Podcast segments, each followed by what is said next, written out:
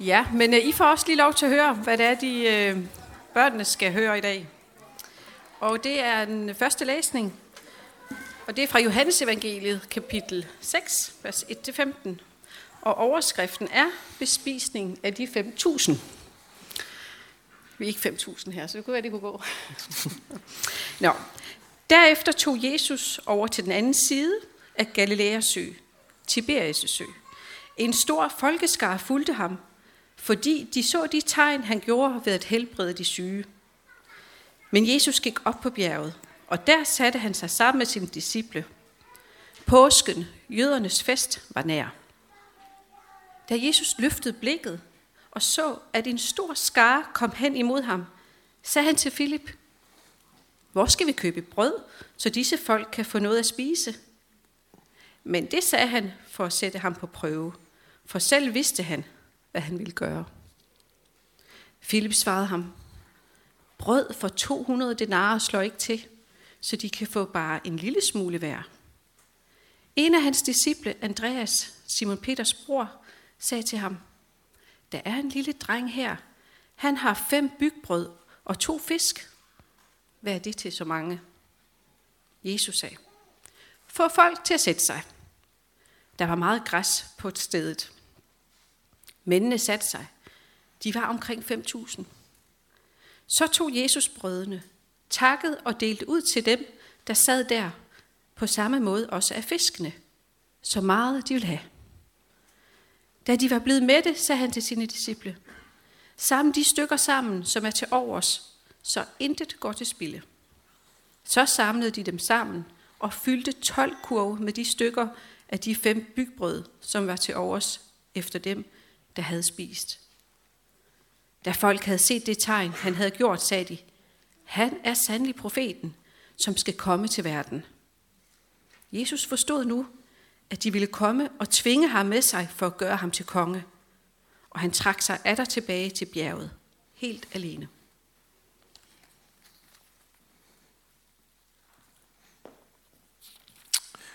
Og jeg vil fortsætte med at læse fra 2. Korintherbrev kapitel 9, vers 6-11. For husk, at den, der sår sparsomt, skal også høste sparsomt. Og den, der sår rigeligt, skal også høste rigeligt.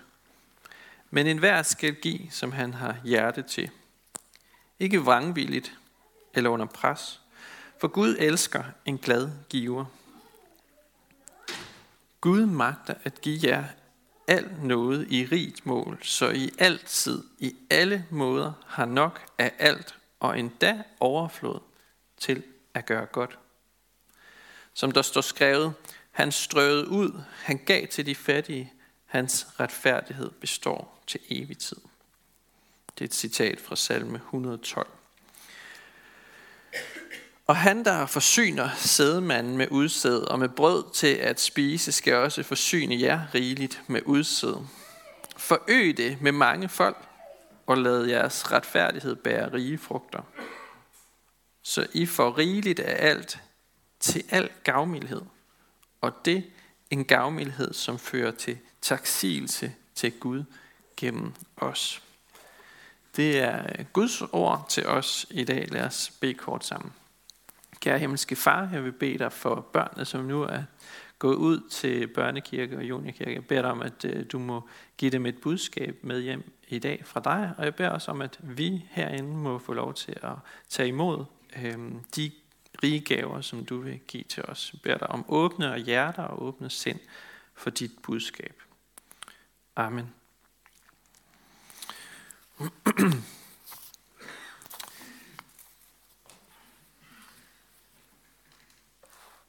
Den tekst, vi har øh, læst her i dag øh, fra 2. Korintherbrev, øh, det er en... Øh, det er en opfordring til menigheden om at øh, være gavmilde. Øhm, og det er faktisk ret bemærkelsesværdigt, at Paulus han bruger, han bruger faktisk to hele kapitler i 2. Korintherbrev på at øh, tale om en indsamling. Øhm, det svarer til, at vi brugte øh, 20 minutter af gudstjenesten på at tale om indsamlingen til, til sidst i gudstjenesten. Øh, for at præ- præsentere dagens indsamling. Øh, hvorfor bruger Paulus to ud af 13 kapitler på at tale om gavmildhed, tale om en indsamling? Det skal vi prøve at se lidt nærmere på i dag. Øhm, vi har bare hørt et lille udpluk af den her indsamlingstale, men øh, i min prædiken der vil jeg prøve at tage fat i nogle pointer sådan fra hele talen. Paulus han var øh, på tre missionsrejser. Øh, de første to rejser brugte han på at grundlægge en række menigheder i Lille Asien og i Grækenland. Og nu er han på sin tredje missionsrejse, som har en lidt anden karakter. Man kalder det nemlig også for indsamlingsrejsen. Her besøger Paulus de menigheder, som han tidligere har plantet, men nu med et andet formål. Han beder dem alle sammen om en gave til menigheden i Jerusalem, som er i stor nød. For øjeblikket, siger han, må jeres overflod afhjælpe deres mangel. Det er altså en øh, indsamling, der har til hensigt at støtte en nødlidende søstermenighed. Så traditionen med at øh, samle ind til gudstjenester er altså lige så gammel som kirken selv.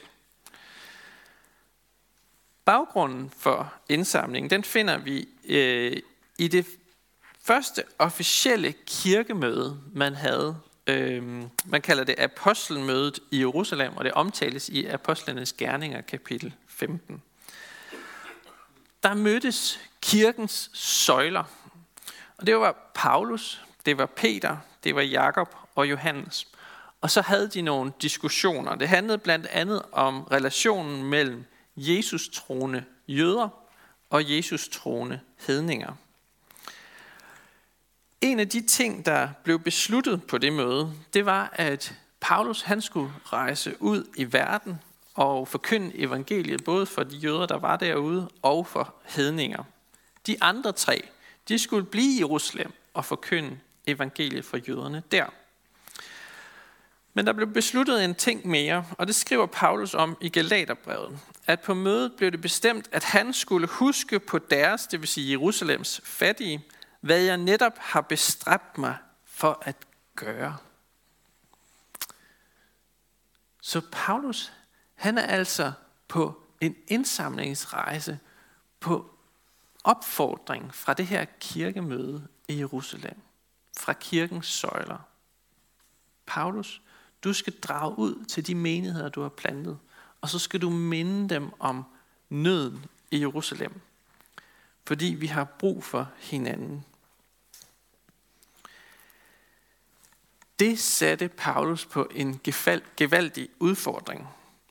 For hvordan sælger man lige det budskab til mennesker, som aldrig har været i Jerusalem måske, som ikke kender den nød, som de oplever der? Hvordan motiverer man til gavmildhed i det hele taget? Hvorfor er det vigtigt at give af sin rigdom? Det skal vi se lidt nærmere på. Øhm, for brevet her, det giver os et fantastisk indblik i de argumenter, som Paulus han bruger for den kristnes øh, kald til gavmildhed. Og jeg vil øh, tage og pege på fire af hans argumenter, og der er faktisk øh, endnu flere, men jeg har bare lige valgt at tage fire ud i dag. Han siger, at for det første, så er det en prøve på menighedens, om menighedens kærlighed er ægte. Det lyder jo lidt skarpt, synes jeg. Men det er altså et udtryk for, er der en vilje til, at troen må have økonomiske konsekvenser.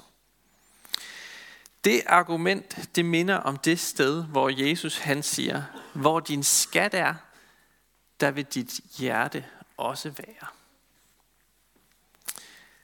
Hvor er din kærlighed? Hvor er dit hjerte? Måske har du endda selv erfaret det, at når du giver til en sag, uanset hvad det så er, så skærper det din opmærksomhed på den sag. Dit hjerte følger med i det. Det er i hvert fald et af Paulus' argumenter. Det næste argument, som jeg har taget fat i, det er, at, at Paulus han siger, at det er for menighedens eget bedste. Det er altså bedst for jer at tænke på øhm, kirken i Jerusalem. Det er til velsignelse at give, siger han. Ikke kun at modtage. Det er ikke sådan, at han mener, at nu skal menighederne øh, på hans rejse her have det unødigt svært, for at dem i Jerusalem, de kan have det helt vildt nemt og bare nyde livet. Det er ikke det, han siger. Han siger, at jeres overflod skal lindre deres nød, så der kan blive balance, siger han. At der kan blive balance og ligevægt. For det tredje, så minder han menigheden om, at Gud har givet dem nok af alt. Så rigeligt, at der er overflod til at gøre godt for andre. Først og fremmest så minder han dem om Guds overstrømmende nåde, at Gud har givet hver enkelt af dem noget i rigt mål, så i altid, i alle ting har nok af alt. Tre gange understreger han det lige, øhm, at Guds nåde er rig, og Gud viser sin omsorg for os i alle ting. Alle med store bogstaver. Vi har en gavmild Gud, siger Paulus. Vi har en enormt gavmild Gud. Så hvis vi skal formes i hans billede, hvis vi skal prøve at ligne ham, så må vi lytte til det kald, der ligger i at være gavmilde som ham. For vi har fået så stor en guddommelig rigdom for æret, at selvom vi deler ud af den, så får vi ikke mindre til os selv. Det var hans tredje argument. Og det sidste argument, jeg vil tage frem, øhm, er, at den økonomiske hjælp simpelthen beskrives som øhm, lydighed imod bekendelsen til evangeliet om Kristus. Sådan siger Paulus faktisk. Så sætter han altså lige trumf på her. Det han mener er, at det er simpelthen evangeliets natur at være gavmild. Det er lydighed imod evangeliet at vise gavmildhed. Det forankres simpelthen i evangeliet, altså budskabet om Jesu død og opstandelse for vores skyld helt gratis. Det er det, der egentlig er det grundlæggende argument i Paulus' argumentation. Han siger sådan her i, i, øh, i øh, brevet. Det handler om, at Jesus blev fattig, for at I kunne blive rige. Jesus løskøbte os fra synden og døden og djævlen og betalte den højeste pris. Så hvorfor skulle vi ikke gøre det samme?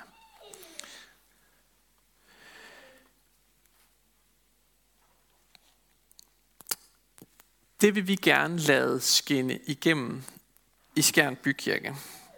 Så for at øh, få det lidt ned på jorden, og for at blive sådan helt konkret, så, øh, så vil jeg gerne tage et eksempel frem. Og nu har jeg faktisk glemt at tage det med, for jeg havde egentlig tænkt, det hænger ud på øh, opslagstavlen. Øh, jeg har et billede af det her. Men når I går ud af, fra gudstjenestedag, så kan I se det. Jeg ville egentlig have taget det med, det her, men jeg har glemt det. Øh, vi har fået et brev nemlig i Skjern Bykirke, og jeg har lyst til at læse det op for jer, hvad der står. Der står sådan her, kære Skjern Bykirke. Hvad I har gjort mod en af mine mindste, det har I gjort mod mig. På vegne af den forfulgte kirke sender vi et dybfølt tak for den generøse gave på 18.309 kroner. Øh, og nu har jeg det svært ved at læse min... Øh, ej, jeg skulle lige have haft det med.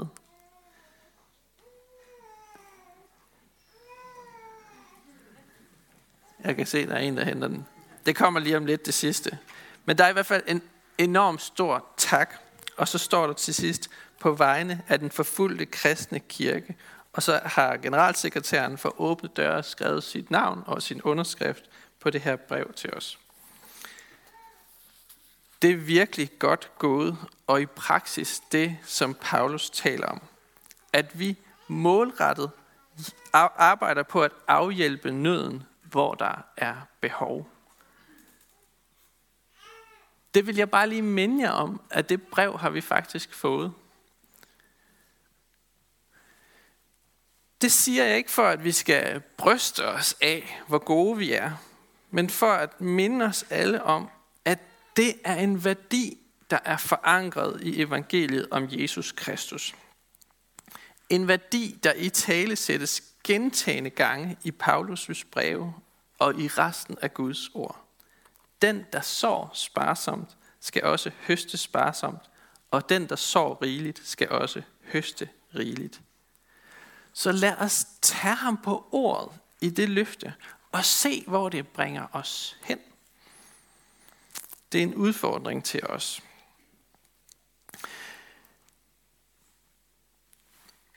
Vi kan ikke finde det. Det, det hænger derude. Det hang derude i tirsdags. Jeg prøver at finde det. Øhm, det synes at være den samme logik, der gør sig gældende øh, i Jesu lignelse om de betroede talenter. Den, som aggressivt investerer sine penge og talenter i vækst, bliver ros til skyerne. Men ham, der gemmer sine penge i jorden, får i sidste ende taget dem. Fordi det er ikke vores penge, men det er Guds. Det er noget, vi har fået, og dem skal vi, de skal ud og gøre nytte. Luther han siger et sted, jeg har holdt mange ting i mine hænder, og jeg har mistet dem alle. Men alt, hvad jeg har lagt i Guds hænder, ejer jeg stadig.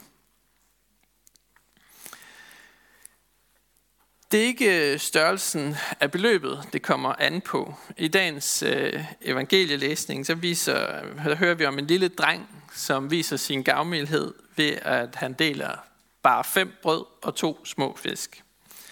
Det er jo ikke meget, men det er alligevel hele hans madpakke. Så det er jo et stort offer for ham. Og sådan må gavmildhed også godt kunne mærkes for os. Det er ikke fordi, det skal være umærkeligt eller øh, uden noget, vi kan føle. Det må gerne være noget, der koster. Paulus han skriver i sit brev, at han øh, snart kommer på besøg øh, i menigheden i Korinth. Og han har øh, sendt sine medarbejdere foran, så, øh, så han kan være med til at, øh, altså så medarbejderen kan være med til at afslutte den her indsamling og gøre den klart til når Paulus han selv kommer senere. Han vil nemlig gerne have, at gaven bliver rundhåndet og ikke smålig, skriver, skriver han.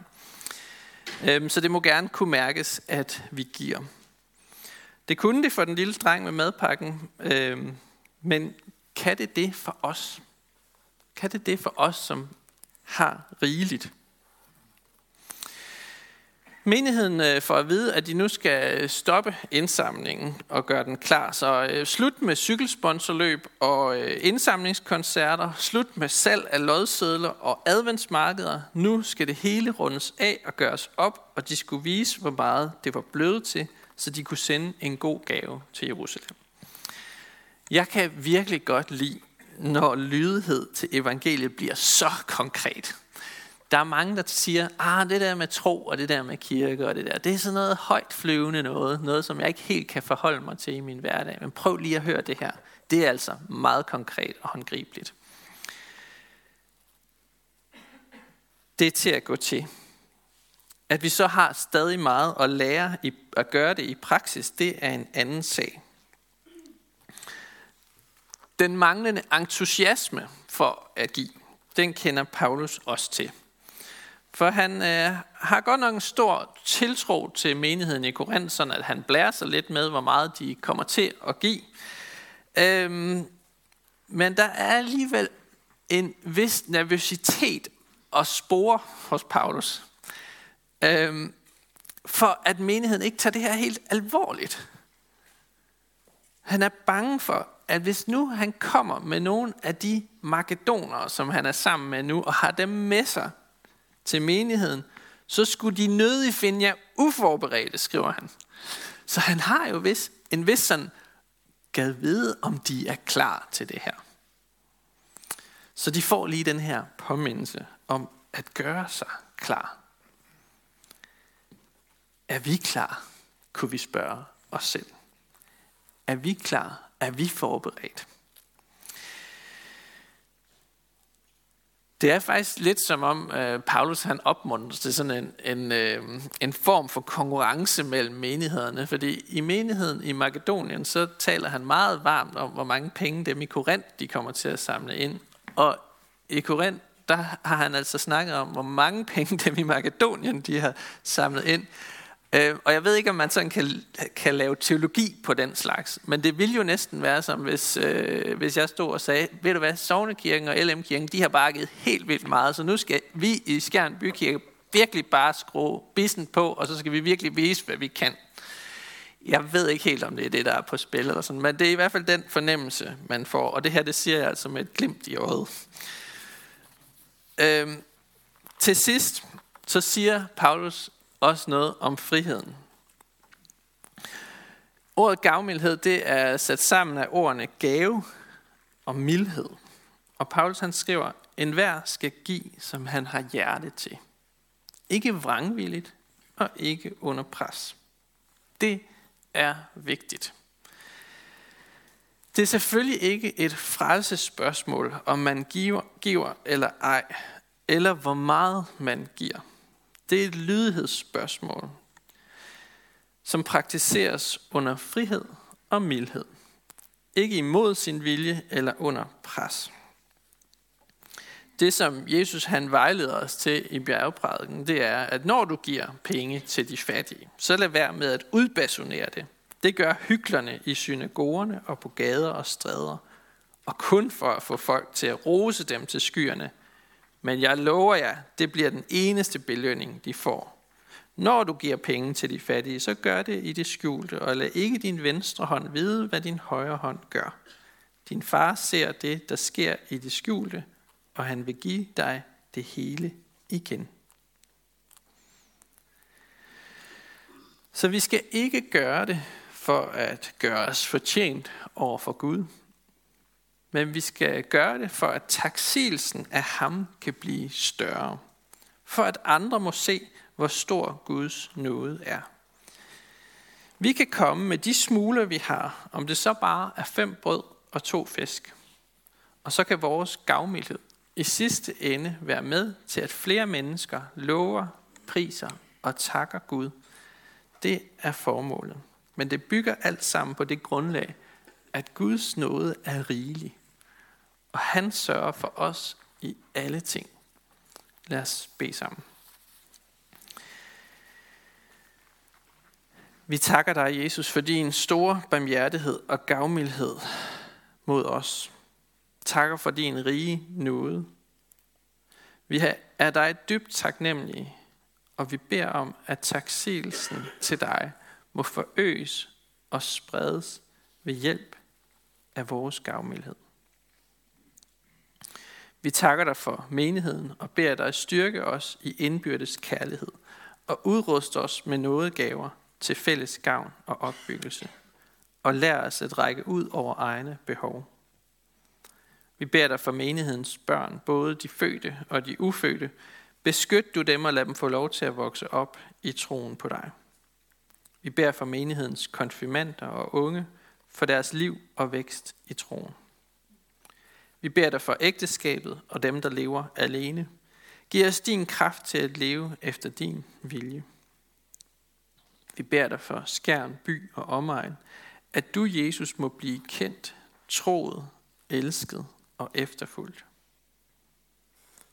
Vi beder for Niels Jørgen Fogh, menighedens vejleder, at du må styrke ham i hans arbejde og holde os alle fast på Bibelens grund.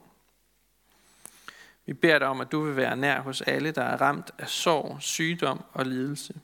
Giv os mod til at være til stede og visdom til at lindre smerten hos hinanden. Hør os, når vi i stillhed hver især beder for en, vi kender.